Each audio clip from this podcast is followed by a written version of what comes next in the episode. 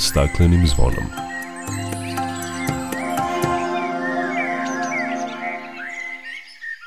Dobar dan, dobrodošli na Zeleni talas prvog programa radije Radio Televizije Vojvodine. Ja sam Dragana Ratković.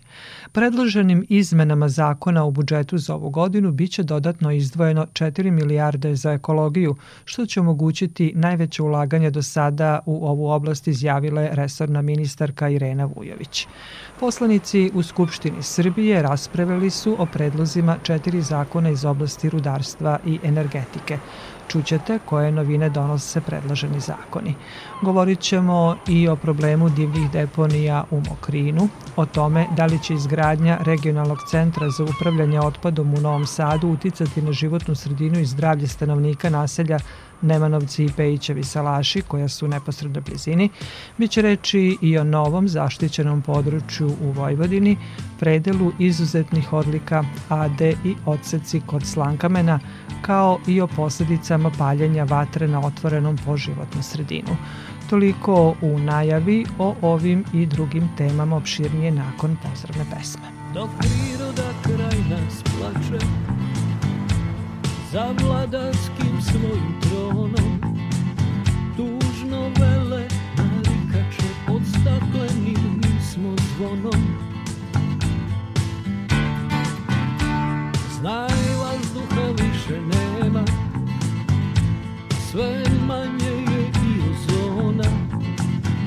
Protiv sebe ide čovek i to često bez pardona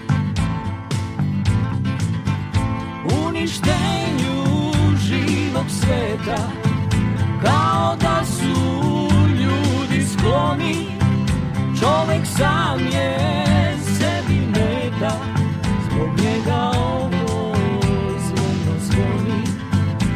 Uništenju živog sveta Kao da su ljudi skloni Čovek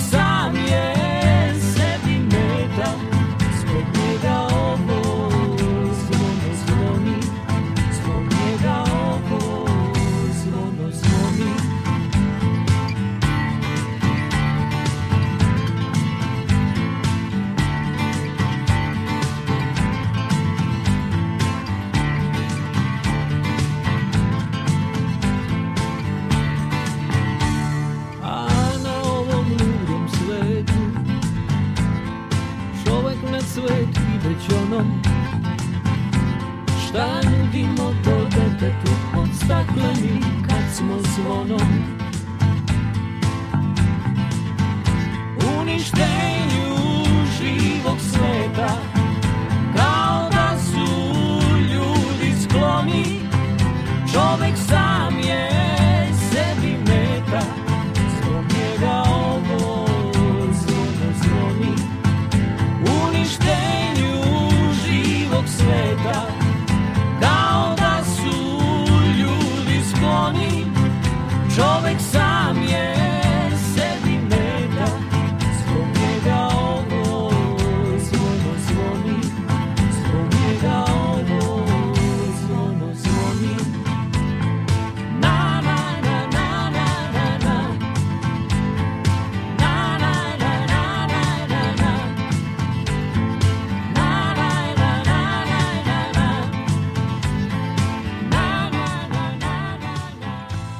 Za vladu je ekologija izuzetno važna tema, te je predloženim izmenama zakona o budžetu za ovu godinu dodatno izdvojeno 4 milijarde dinara, izjavio je ministar financija Siniša Mali. Duplirali smo budžet za ekologiju, dakle to je veoma važno, imamo dovoljno novaca, krećemo sa velikom izgradnjom mreža za kanalizaciju, fabrika za prečišćavanje otpadnih voda, rešavanje problema deponija, dakle ekologija postaje izuzetno važna tema i ona je, da kažem, odslikana i definisana u rebalansu budžeta. Ministarka zaštite životne sredine Irena Vujović izjavila je da je predloženim izmenama zakona o budžetu za ovu godinu budžet resora koji vodi uvećan, što je najbolji dokaz da je ekologija za vladu Srbije prioritet i da će ovu godinu obeležiti najveća ulaganja do sada u ovu oblast. Sa uvećanim budžetom imaćemo još više novca na raspolaganju iz kojih ćemo rešavati ekološke probleme u Srbiji. Ono što je sigurno jeste da će država nastaviti da finansira projekte kojima je cilj smanjenje aerozagađenja, pomagat ćemo gradove i opštine da saniraju divlje deponije na svojim teritorijama. Ekologija je naš prioritet i nastavit ćemo da sprovodimo sve projekte i aktivnosti kojima je cilj da unapredimo stanje životne sredine. Povećanje budžeta najbolji je dokaz koliko smo ozbiljni u toj nameri, kaže ministarka Vujović. Predlog izmena i dopuna zakona o budžetu za ovu godinu upućen je u skupštinsku proceduru. Ako poslanici usvoje ovaj akt, Ministarstvo zaštite životne sredine raspolagaće sa 12,3 milijarde dinara za ovu godinu.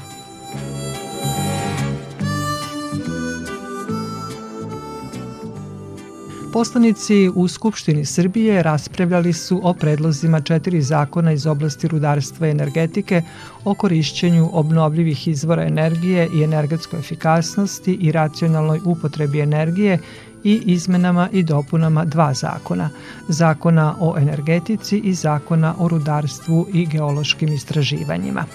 Ministarka rudarstva i energetike Zorana Mihajlović izjavila je da zakoni iz oblasti rudarstva i energetike predstavljaju važan korak kako bi energetska politika države bila održiva i odgovorna prema životnoj sredini. Vlada Srbije je opredeljena da mnogo aktivnije ili veoma aktivno bude deo svih procesa energetske tranzicije i velikih promena koje se dešavaju u svetu kada govorimo o oblasti energetike, energetske tranzicije i potpuno novom vidu privrednog razvoja, a to je pre svega klimatski održiv privredni razvoj i klimatski neutralna ekonomija do koje treba da dođemo upravo tako što ćemo voditi računa kako vodimo energetsku politiku i da ta energetska politika pre svega bude zdrava, održiva i ekološka.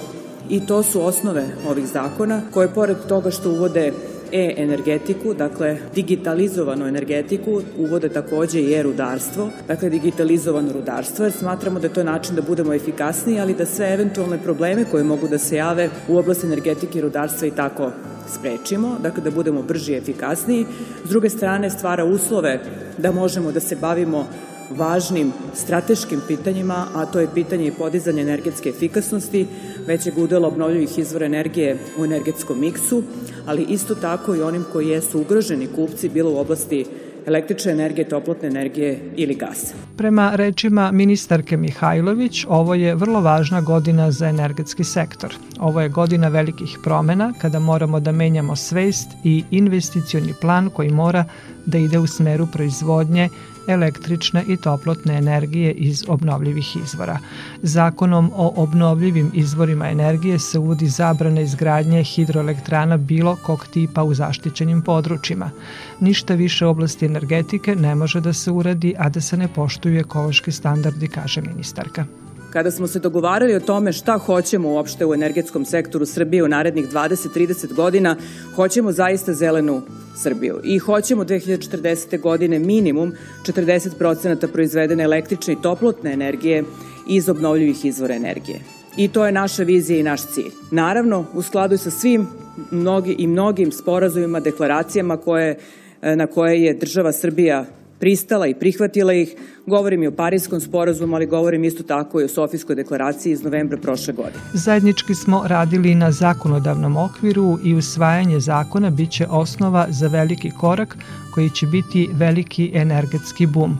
Cilj ovog zakona je da imamo više investicije u oblasti obnovljivih izvora, dodaje Mihajlovićeva. Procenjena vrednost investicija za sve to što želimo da uradimo je minimum, dakle kreće se ako imamo i rudarstvo oko preko 15 milijardi evra, a ako govorimo o elektroenergetici onda je to negde do 12 milijardi evra.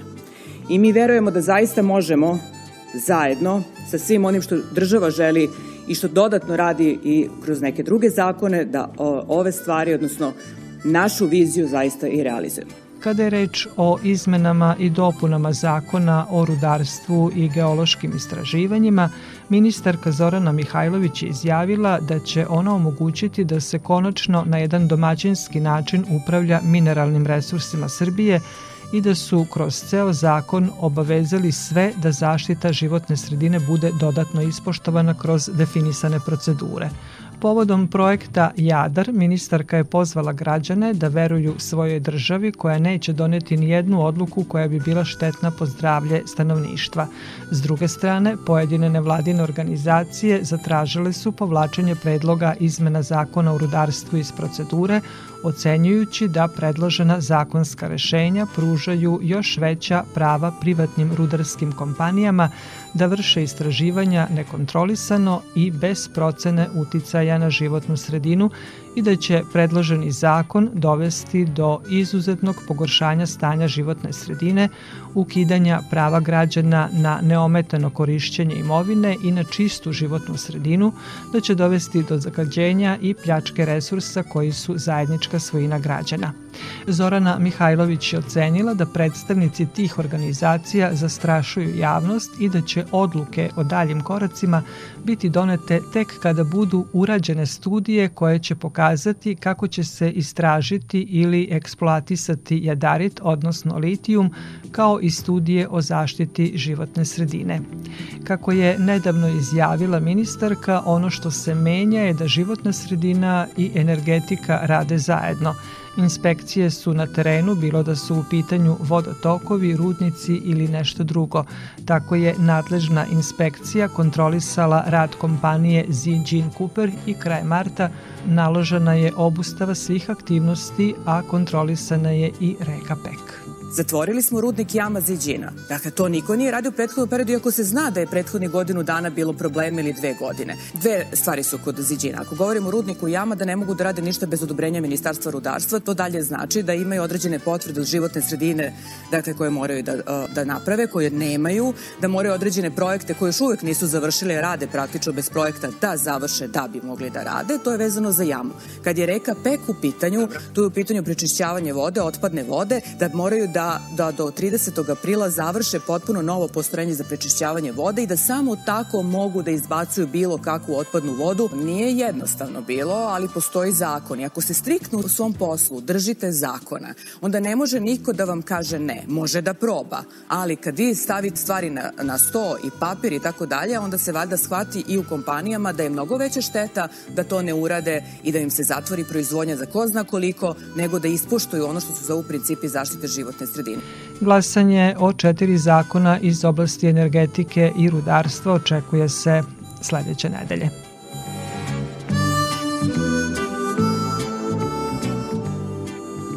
Pomenuli smo da je nadležna inspekcija nakon kontrole rada kompanije Zijin Cooper kraj marta naložila obustavu svih aktivnosti i grad Zrenjanin je kineskoj fabrici za reciklažu Feiti Ansu je naložio obustavu proizvodnje u pogonu u Perlezu.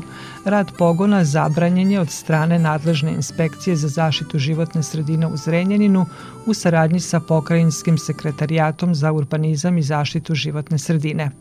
Kako se navodi u saopštenju objavljenom na sajtu grada, inspektor je u redovnoj godišnjoj kontroli utvrdio da je proizvođač postupio suprotno ugovoru i nije sproveo sve investicije iz oblasti smanjenja uticaja na životnu sredinu. To je izazvalo određeno odstupanje pojedinih parametara emisije nedozvoljenih materija. Investitoru su naložene mere da proizvodnju uskladi sa lokalnim ekološkim propisima i ugovornim obavezama, a do otklanjanja nedostataka naložena je obustava proizvodnje. Inspekcija je navela da se kineskom investitoru privremeno zabranjuje obavljanje tehnološkog procesa ektruzije i granulisanja mlevene plastike, kao i rad uređaja za prečišćavanje otpadnih gasova iz postrojenja za tretman otpadne plastike. Grad Zrenjanin očekuje da kineski investitor kao odgovorna kompanija sprovede naložene mere. Zrenjanin razvija svoju privredu, ali je zdravlje građana prioritet lokalne samouprave, stoji u saopštenju. Mm, a, a, mm, a, a, mm, a, a, mm,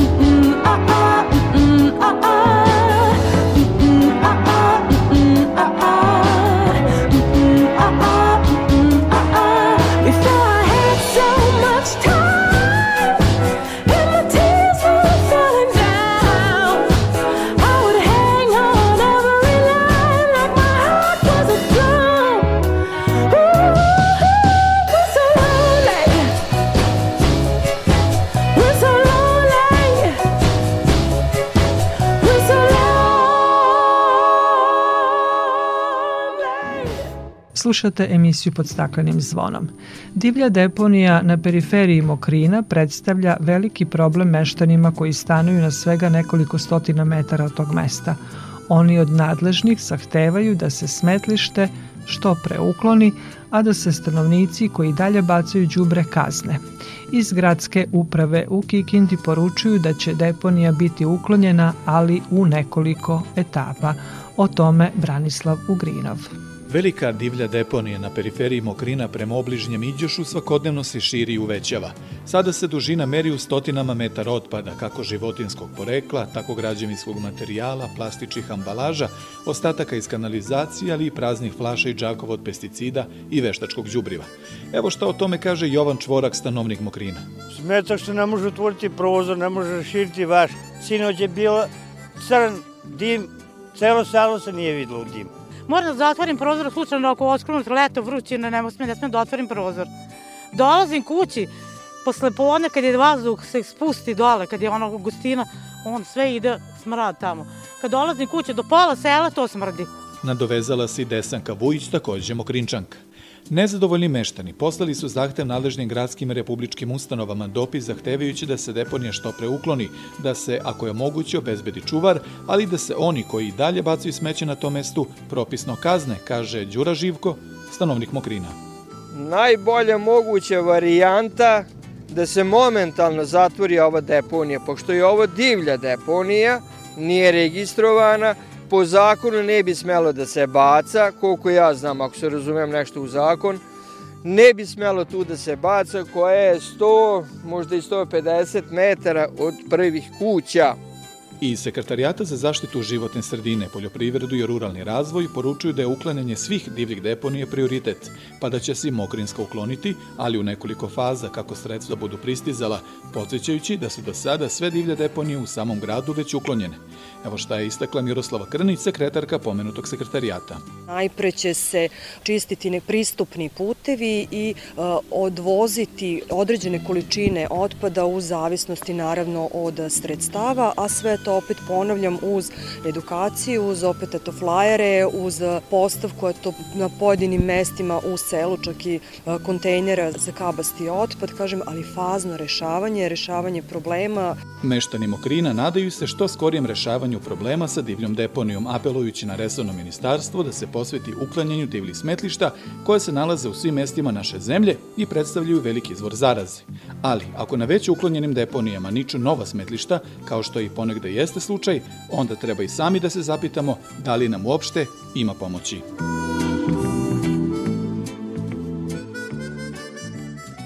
Slušate emisiju pod staklenim zvonom.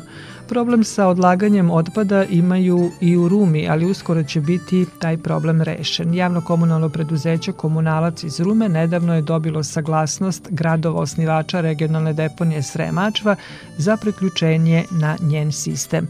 Tokom ove godine opština Ruma će se priključiti na sistem regionalne deponije i tako će više decenijski problem odlaganja otpada Rumljana biti adekvatno rešen.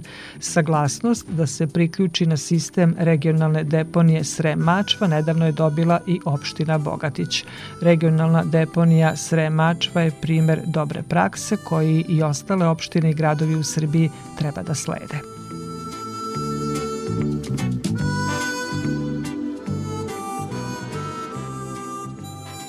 A regionalni centar za upravljanje otpadom biće izgrađen i u Novom Sadu, na mestu sadašnje deponije u blizini naseljenih mesta Nemanovci i Pejićevi salaši.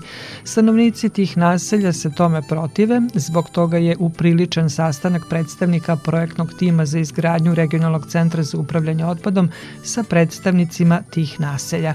Članica Gradskog veća za resor zaštite životne sredine Mira Radenović, koja je prisustvovala sastanku, kaže da su stanovnici tih naselja zabrinuti kako će izgradnja regionalnog centra uticati na životnu sredinu u njihovim mestima s obzirom na blizinu same deponije. Prema njenim rečima, izabrani projektantski tim inženjera je predstavnicima građana stručno i detaljno obrazložio koncept izgradnje regionalnog centra za upravljanje otpadom sistem zaštite životne sredine kao i tehnologiju samog postrojenja za tretman otpada na predloženom lokalitetu. Centar će biti apsolutno propisano udaljen od njihovih kuća, ali ono što smo e, razgovarali jeste upravo kakav je uticaj deponije nesanitarne u odnosu na životnu sredinu i zdravlje i bezbednost ljudi, to je sadašnja situacija. I ono što će se u budućnosti desiti kada sagradimo sanitarni centar, odnosno kada sagradimo nešto što će biti po svim standardima i Evropske unije, ali svim svetskim standardima i poštujući sve mere zaštite životne sredine i kvaliteta svih medijuma u zapravo životne sredine. Ono što je nepobitna istina jeste da sadašnje stanje izuzetno loše utiče na kvalitet životne sredine, odnosno svih medijuma životne sredine i voda i vazduha i zemljišta, podzemnih voda, pa na kraju krajeva onda posredno i na, ove, i na, na ljude a ono što je veoma važna činjenica istaći jeste da e, izgradnjom regionalnog centra mi ćemo poštovati sve mere zaštite, nema nikakvog uticaja ili izuzetno malog uticaja na životnu sredinu, a onda i na ovaj uticaj e, stanovnika. Kada izgradite regionalni centar, odnosno kada izgradite deponijske kasete koje su izgrađene po svim standardima, koje nemaju Znači, mogućnost da propuštaju bilo kakve procedne, odnosno ocedne vode u, ove, u podzemne vode kada apsolutno tretirate otpad na način na koji je to propisano tehnološki, nemate uticaje na vazduh, odnosno nema emisije gasova, nema emisije čestičnih materija ili je ta emisija izuzetno mala, odnosno mnogo, mnogo manja u odnosu na šta danas imamo u neposrednoj blizini našeg grada.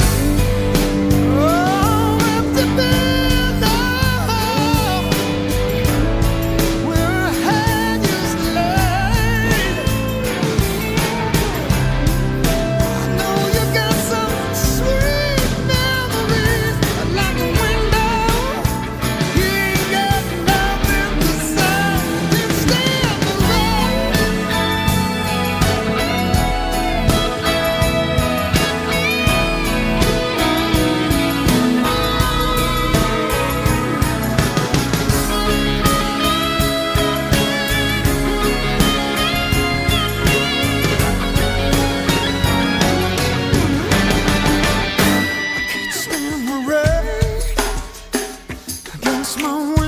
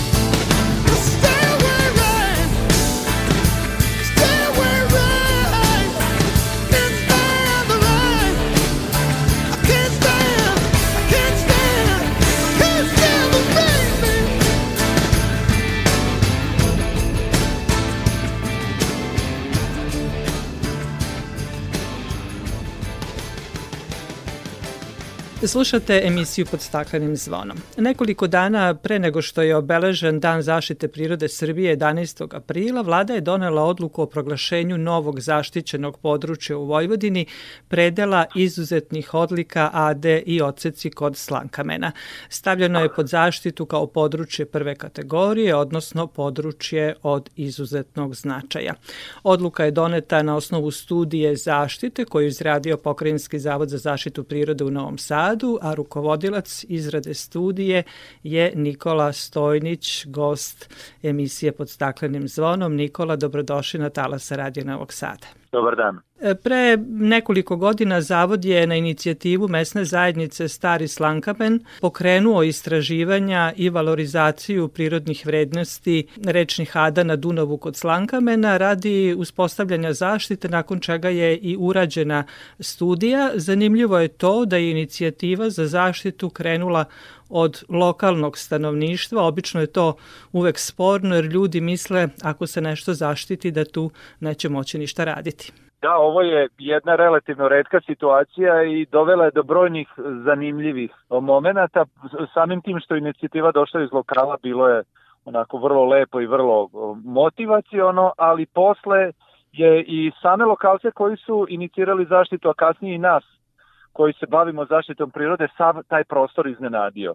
Ispostavilo se za početak da su ljudi iz lokala i starog slankamena bili potpuno u pravu da je taj prostor vrlo vredan i zanimljiv, ali sa druge strane docinje smo i mi otkrili neke prirodne pojave i neke prirodne uh, celine koji su vrlo zanimljivo, koji su njima bile nepoznate, tako da je to bilo jedno vrlo uh, lepo uzajamno otkrivanje jednog prostora i pronalaženje predivnih prirodnih celina na jednom ipak relativno malom prostornom delu od jedva 400 hektara, ali smo puno zanimljivih prostornih fakata našli i zaista je i samo područje obilo je jako zanimljivim prirodnim vrednostima. Šta je na tom području vrednost, zbog čega su ade kod slankamena stavljene pod zaštitu? Pa Dunav je okosnica i Dunav je srž ovog prostora, a Dunav je na ovom prostoru vrlo raznoliki, pun je e, najrazličitijih pojava. Sa jedne strane imamo te strme lesne oceke, bezmalo litice, na desnoj obali, odnosno na Sremskoj obali Dunava, a opet sa druge strane na toj levoj obali Dunava postoje ade i to ade koje se nalaze blizu obale, to su već stare ade koje su obrasle uglavnom livatskom vegetacijom sa solitarnim velikim vrbama. Te dve ambientalne celine se na neki način uklapaju jedna od druga, opet su vrlo različite. I onda konačno treća stvar, imamo te žive dinamične sprudove, jedan od njih je baš i taj Urošev sprud, gde faktički svake godine taj deo Dunava izgleda drugačije. Na jednom delu se pojavljuju peščani prudovi, na drugom prudovi obrasli vrbom, na trećem su rukavci i to što se zatekli jedne godine, druge godine je drugačije, treće je opet na treći način i to je ta dinamika reke koju je jako važno sačuvati, a koja je danas do čitavog toka Dunava vrlo redka. Parijade i oceci kod Slankamena, kao što je samo ime kaže, objedinjaju sebi vrlo raznolike predeone i ambientalne celine, od kojih je svaka od njih jako vredna i sa biodiverzitetskog aspekta. Kada govorimo već o geodiverzitetu, na tom području postoje mnogobrojni fosilni ostaci faune koja predstavlja zapise o prostiranju nekadašnjeg panonskog mora na tom području. Pa da, i to je zanimljivo. Sama ta morfologija, odnosno sami ti i vertikalni i e, horizontalni profili, na neki način nam pokazuju i tu vrlo burnu i zanimljivu geološku prošlost koju doživjela čitava panonska nizija, ali koja je ovde vrlo vidljiva. Tako da sa jedne strane imamo neogene sprudove uz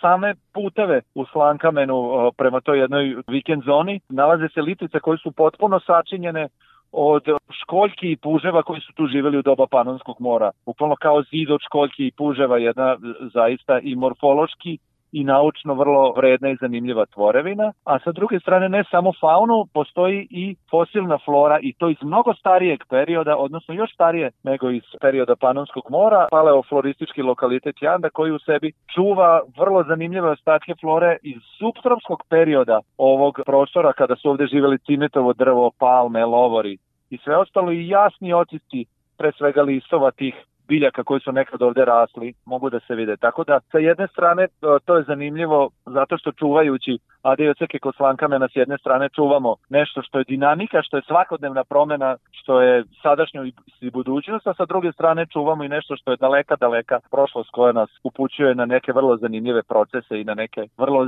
zanimljive pojave koje su na ovom prostoru vladale. A da li u tom zaštićenom području e, ima nekih redkih i ugroženih vrsta na koje trebamo posebno obratiti pažnju? Da, to je naravno šlag na torti. Možemo slobodno reći da je ovo što smo do sada pričali, to je taj geomorfološki i uopšte taj ambientalni patišpanj, a preko njega onda imamo tu svu dinamiku redkih biljnih i životinskih vrsta koja je opet vrlo, vrlo specifična i raznovrsna. Kažem, to je i mene i sve druge kolege oduševilo kada smo došli na taj jedan relativno mali prostor. S jedne strane imamo litice, strme i na njima vrste koje se gnezde u njima kao što su laste bregunice i pčelarice. Sa druge strane imamo peščane sprudove na kojima se nalaze opet druge vrste ptica kao što su žalari, a opet na velikoj jadi imamo te duboke bare koje su jako važne za mrest riba i gde imamo vrlo redke vrste riba kao što su vijun, kao što je paklara, kao što je čak i egulja kao što su veliki mali vretenar, tako da ta raznolikost ambijenta i prostora sa druge strane rezultuje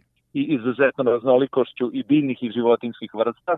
Dodatno tu da pomenemo i podunavskog mrmoljka koji je takođe vrlo zavisan od očuvanosti ritskih staništa, barsku kornjaču, onda ove impozantne ptice koje su ambientalno ili da kažemo tako turistički možda i sa druge strane najvrednije kao što su belorepani, čaplje, crne rode koje u velikom broju sleću na veliku adu redke vrste pataka kao što su njorke i konačno i biljne vrste koje su na ovom području zastupljene kao što su s jedne strane u barama imamo raznorodke, a sa druge strane na samim ocecima imamo potpuno drugačiju morfologiju, imamo stepu. S jedne strane imamo baru i vlagu i vodu, a s druge strane imamo stepu i suva područja gde žive stepske višnje gde imamo očuvane stepe na lesu. Tako da je životinski svet vrlo bogat i vredan i biljni takođe i pretpostavljamo u stvari i mnogo vredniji nego što mi sad i naslučujemo, ali eto godine su pred nama i pred upravljačem i pred nama da uživamo, da čuvamo i da otkrivamo. Kad već spomenuste upravljača, kome je povereno upravljanje ovog zaštićenog područja? Upravljanje kao što je inicijativa i krenula iz lokala, tako se na kraju i samo upravljanje vratilo u lokal. U pitanju je lokalno udruženje koje se zove Ecoles Park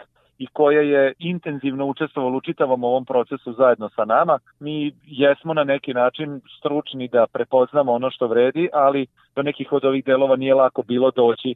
Neki od ovih litica su bile nepristupačne, trebalo i preći sve te Ade i čamcima se voziti preko Dunava i oni su nam zaista bili odlična podrška, ali sa druge strane ne samo u tom tehničkom smislu i logističkom, koliko su nam pomagali lokalni stanovnici Starog Slankamena su u velikoj meri i trudili se i zagovarali čitavu ovu zaštitu i na samoj javnoj raspravi i kasnije u procesima i u diskusijama sa drugim ministarstvima. Zaista je to jedna grupica entuzijasta koja očekujemo uz našu eto, stručnu pomoć da će zaista ovo jedno vredno područje voditi pravim putem s jedne strane promocije, jer eto čak i nama možemo se slobodno nazvati iskusnim prirodnjacima ovo je područje bilo potpuno nepoznato krije neka čudesa, moram da izdvojim još i tu veliku jarogu kao što smo i sami naveli, najekstremniji ili jedan od najekstremnijih reljefnih oblika Vojvodine, to je a, doslovno lesni kanjon u koji je jako teško ući, iz kojeg je jako teško izaći, kao da se nalazite u liticama ne znam kakvih dinarida, e, to je prostor koji skoro da niko nije ni znao da postoji, koji vredi doći, proći, videti,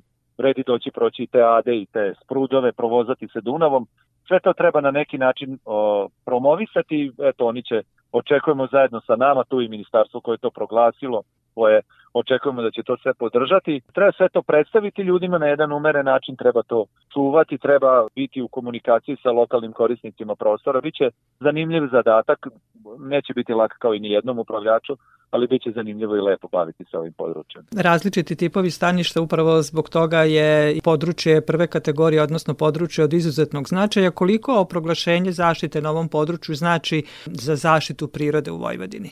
Moram reći da smo se svi onako prijetno iznenadili, nismo ni znali da se ovo priprema to je zaista veliki korak uh, s obzirom da su proglašenje zaštićenih područja na svim nivoima relativno spora i teška. Mi faktički negde od kraja 2018. evo bezmalo dve i po godine nismo imali neko veće zaštićeno područje u Vojvodini zaštićeno. Poslednje je bilo pašnici velike droplje i posle toga proširenje zasavice, tako da mi dve godine čekamo na nešto novo. To je veliki i značajan korak i nadamo se da je ovo u stvari jedan kamenčić koji sad pokreće lavinu da ćemo uskoro videti i čuti radovati se novim zaštićenim područjima za koje su postupci pokrenuti, ali eto, ovo je na neki način novi vetar u leđa zaštitarima i zaštiti prirode uopšte i neka nada da ćemo eto sad povećavati ta područja pod zaštitom, da ćemo imati sve više celina koje su zaštićene kako bismo neki način očuvali taj biodiverzitet, a sa druge strane obezbedili jedan dostojan život ljudima da bi oni mogli da uživaju u toj prirodi. Upravo tako, radujemo se svi e, novom zaštićenom području u Vojvodini. Nikola, hvala vam lepo za razgovor i učešću u programu Radio Novog Sada. Hvala i vama, doviđenja. No, I can't forget this evening or your face as you were leaving, but I guess that's just the way the story goes. You always smile, but in your eyes your sorrow shows. Yes, it shows.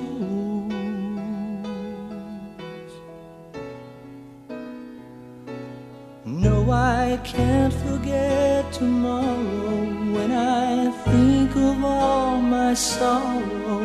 Well, I had you there, but then I let you go. And now it's only fair that I should let you know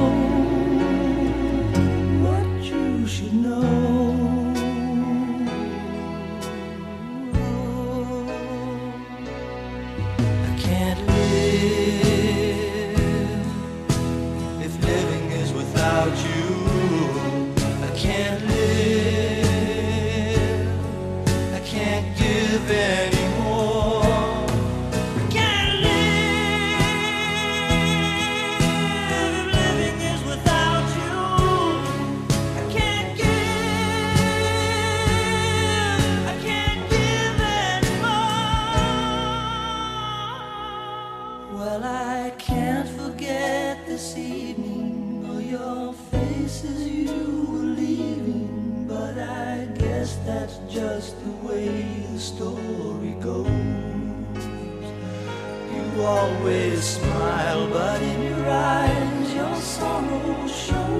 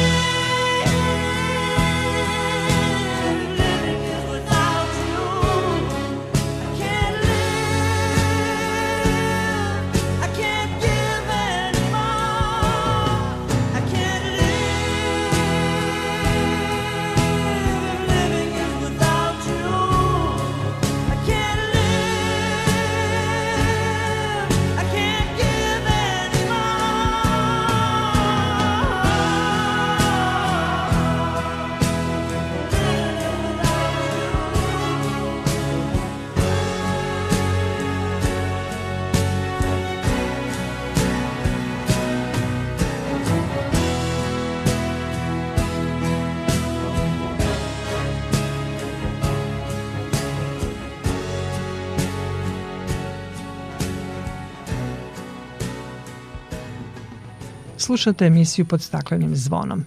Grad Vršac pridružio se akciji Posadi svoj hlad u kojoj je širom Srbije građanima podeljeno 30.000 sadnica. Sadnice su obezbeđene zahvaljujući pomoći društveno odgovornih kompanija. O tome koliko je sadnica podeljeno i koliko će to doprineti čistijem vazduhu u tom gradu, koleginica Daniela Korać razgovarala je sa članom gradskog veća zaduženog za poljoprivredu i zaštitu životne sredine u Vršcu, Slobodanom Jovanovim. Grad Vršac se priključio akciji Posadi svoj hlad u okviru koje je podeljeno 100 sadnica belog jasena. Ovo nije jedina akcija koju je grad Vršac e, sproveo u prethodnom periodu kada je u pitanju pošumljavanje e, našeg grada. E, kako ste zadovoljni odzivom bili akcije Posadi svoj hlad? Grad Vršac je na inicijativu mesnih zajednica otpočeo jednu veliku i lepu akciju sadnje, gde je posađeno preko 1000 sadnica belog jasena, preko 250 sadnica četinara i drugih visokih lišćara, gde je veliki odziv građana bio. Takođe, preključili smo se akciji Posadi svoj hlad, gde je našim sugrađanima podeljeno 100 sadnica belog jasena. Odziv je bio veliki i bukvalno sadnice su podeljene za pola sata. Ono što nas raduje jeste to da, da među tim građanima je bilo najviše mladih, tako da su one pokazali odgovornost za kvalitet životne sredine i kvalitet vazduha u našem gradu. Dakle, znači ovakvih akcija je nemerljiv.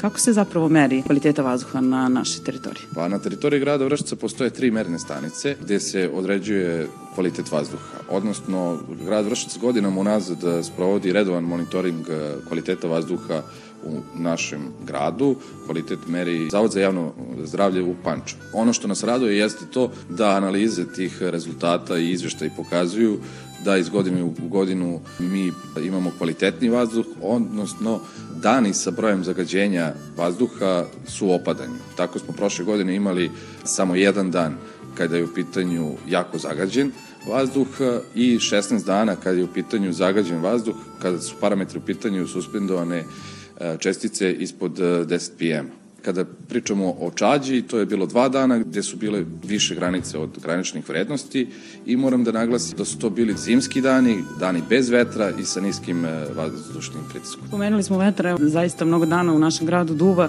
i to zaista olujne jačine. Koliko je on saveznik e, kada je u pitanju kvalitet vazduha na teritoriji našeg grada? Jeste, vetar jeste naš prvi saveznik e, kada je u pitanju kvalitet vazduha. Svakako jeste i to što grad Vršac nema tešku industriju i imamo veoma dobro razvijenu gasnu mrežu i u narednom periodu ćemo se truditi da tu gasnu mrežu što više raširimo kada znamo da je u pitanju da su najveći zagađivači vazduha jesu individualna ložišta i izduvni gasovi iz uh, vozila.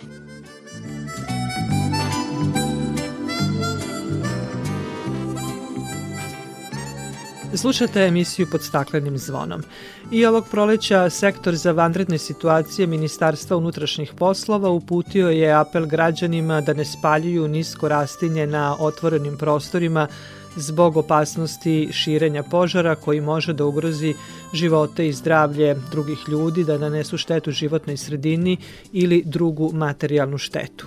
I mi svake godine u emisiji govorimo i upozoravamo na štetne posledice paljenja na otvorenom, U tome nam pomaže predsednica udruženja EcoFire, prvog udruženja za zaštitu od dejstva vatre i životnu sredinu, Ljubica Krnjajić. Ljubice, dobrodošli na Zeleni talas Radio Novog Sada.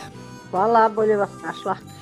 Iako proleće nije onakvo kako bi mi možda želeli sa više sunca da bi mogli obaviti sve poslove oko uređenja bašti i okućnica, koristi se svaki trenutak bez kiše da se to uradi. Oni koji su bili vredni su to i uradili, ali opet se ponavlja ista priča kao i prethodnih godina, suvu travu i ono što su počistili građani pale, pa to da. sve nanosi štetu i životnoj sredini i zdravlju ljudi kakve posledice od e, paljenja na otvoreno mogu biti po životnu sredinu. Da, i apelujemo, možda smo nekim ljudima i dosadni, ali bi bilo dobro da nas poslušaju, znači ne treba spaljivati biljne ostatke, nego treba biljne ostatke koristiti za oplođavanje zemljišta, za bolji kvalitet zemlje gde se on nalazi. Ono što požari na otvorenom prostoru pričinjavaju kao štetu životnoj sredini. Tu eto prvo da, da navedemo da se uništavaju staništa i biljnog i životinskog sveta, znači uništit ćemo mnoga gnezda, mnoge jazbine i, i, i legla raznih životinja koje prirodu čine prirodom i to smo prošle godine mi kao EcoFire posebno objasnili zašto je štetno paljenje, a to je uništavanje lekovitog bilja. I ako se mi koji se bavimo ekologijom, ako možemo se angažovati da doprinesemo zaštiti životne sredine u tom delu, evo apelujemo na sve ljude koji borave u prirodi, da li sređujući svoj imetak ili na izletu, da vode računa da ne izazovu požar, jer će taj požar napraviti višestruku štetu životnoj sredini, a onda i uništiti materijalna dobra, pa čak i ugroziti ljudske živote. Pored svih tih šteta koje ste naveli u životnoj sredini, veoma je velika šteta što se uništava taj gornji, najfiniji sloj zemljišta. Da, najkvalitetniji sloj zemljišta se izloži dejstvu vatre i onda vatra u zavisnosti od količine gorivog materijala na određenu dubinu napravi od kvalitetnog zemljišta napravi jalovinu i to onda jedno vreme na tom mestu samo buja korov. Pogoduje korovu to zemljište posle požara, ali nama ne treba korovo, nam treba lepo, lepovito bilje i treba nam zdrava trava ili zdrav usev naš oštete se mnoga voća, puno voćnjaka i vinograda strada u tim požarima. Ipak e, moramo i da podsjetimo još jednom da zakon o zaštiti od požara zabranjuje spaljivanje ostataka od e, useva, spaljivanje smeća na otvorenom prostoru i spaljivanje biljnih ostataka i za to je zaprećena kazne, propisane kazne koji nisu baš tako male. Da, propisane su kazne za fizička lica od 10 do 50 hiljada, a za pravna lica i preduzetnike idu čak i do od, od 300.000 do milion dinara, ali ima još nešto što bi ja da kažem da u slučaju da ako spaljuju pa izazovu požar, onda njima vatrogasna jedinica može da naplati sve troškove koje je imala prilikom gašenja. Inače je usluga vatrogasaca je ovako besplatna za građane, ali u tom slučaju zakon je predvideo mogućnost da vatrogasci naplate sve troškove gašenja onome ko je izazvao požar na otvorenom prostoru spaljujući biljne ostanje. Svi čekamo nekako lepše vreme da više provedemo vremena u prirodi. Približavaju nam se i prvomajski praznici, ali zakonom je zabranjeno i loženje vatre u šumi i na rubu šume, izuzev na određenim mestima koje su obeležena za to. Tako je, na mestima koja su zato opredeljena i uređena, uređena ložišta. Znači, podešeno je, napravljeni su ambijenti gde će se ložiti vatra koja neće izazvati štetu. Jedino je važno onda da ovi izletnici vode računa kad završe roštiljanje da oni ugase tu svoju vačicu, da ne napuste prostor pre nego što se uvere da zaista više nema ono što narod kaže živog žara na tom mestu. Znamo da je to zakonom zaštiti od požara zabranjeno spaljivanje, rekli smo i istrnih useva i smeća na otvorenom i spaljivanje biljnih ostataka i paljanje vatre u šumi, ali ako se ipak desi da prilikom uređenja svoje bašte ili okućnice odlučimo mada je zakonom zabranjenom da spalimo biljne ostatke, kako to da uradimo da bi bilo bezbedno? Ako već radimo, onda bezbedno je da to budu male gomilice, mala količina, ne odjednom sve da se zapali, da tu budemo prisutni, uvek bolje da bude dvoje ili više ljudi, da pri ruci imamo nekoliko kofa vode, da u slučaju ili lopatu i tako da mi možemo lopatom i onim bilama da ugasimo kad počne da se širi ta vatra, znači da budemo spremni da gasimo ako krene kako ne treba. Da, ali ipak je bolje pridržavati se zakona i ono što sakupimo da nađemo način kako da odložimo i deponujemo na Tako. mesta koja su za to i predviđena u kontejner ili naše kante za smeće. Da se angažuju i komunalne službe da naročito po ovim prigradskim naseljima ili u delovima grada gde se takav taj otpad skupi, da oni to blagovremeno nose, da ovi nisu zalud skupljali i drugo da kažem da Ecofire ove godine obeležava svojih 15 godina postojanja, pa će se malo više angažovati da našim građanima kroz razne edukacije i propagandu pomogne da ne zaborave sprovoditi mere zaštite životne sredine očigledno da to zaista trebamo stalno ponavljati jer uvek ima onih koji se ogluše o to. Ljubice, hvala lepo za razgovor i ove savete koje ste nam dali. Hvala vama, pozdrav slušalcima. I za kraj još jedna informacija – Akcija Tražimo zagađivača godine i zaštitnike životne sredine u kojoj se dodeljuju zeleni listovi za one koji doprinose zaštiti i očuvanju životne sredine i crni list za one koji zagađuju, uvek je završavala dodelom povodom Dana planete. Ove godine zbog COVID-19 ona je pomerena, pa još uvek imate mogućnosti da date svoje predloge. Da podsjetimo, Radio Beograd 2 i pokret Gorana Vojvodine 12. godinu za redom organizuju akciju Tražimo zagađivača godine i zaštitnike životne sredine. Ovu najstariju ekološku akciju u Srbiji pre 38 godina pokrenuli su ekološki magazin Čekajući vetar, Radio Beograda 2 i Društvo za čistoću vazduha u Srbiji. Cilj akcije je unapređenje zaštite i očuvanja životne sredine kroz nagrađivanje pojedinaca i organizacija koje najviše brinu ili, sa druge strane, najviše zagađuju životnu sredinu. U akciji kao predlagači mogu učestvovati pojedinci, organizacije i institucije iz cele Srbije. Svojim predlozima u akciji učestvuje i veliki novinarski žiri sastavljen od novinara ekoloških rubrika štampanih elektronskih i internet medija iz naše zemlje. Pošaljite svoje predloge do 14. maja mailom ili poštom. Sve informacije o tome kako da pošaljete svoj predlog, prijavni formular i adrese na koji možete poslati naći ćete na sajtovima Radio Beograda i pokreta Gorana Vojvodine. Nakon razmatranja prispelih predloga, žiri će dodeliti 10 priznanja Zeleni list organizacijama i pojedincima koji najviše brinu o zaštiti životne sredine i jedan crni list onome koje je pokazao najveću nebrigu o životnoj sredini. Priznanja ovogodišnjim dobitnicima će biti uručena 3. juna na svečanosti u Sremskim Karlovcima. Došli smo do kraja emisije pod staklenim zvonom koju možete slušati i odloženo na podcastu Radio Televizije Vojvodine na adresi rtv.rs.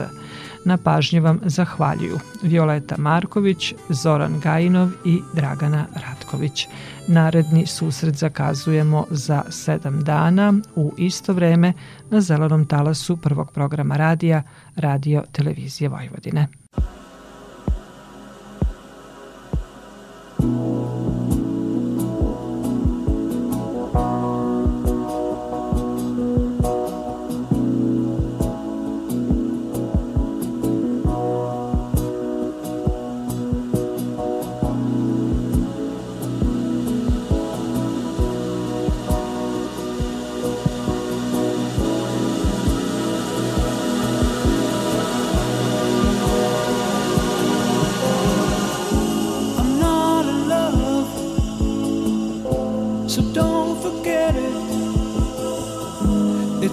Just a silly phase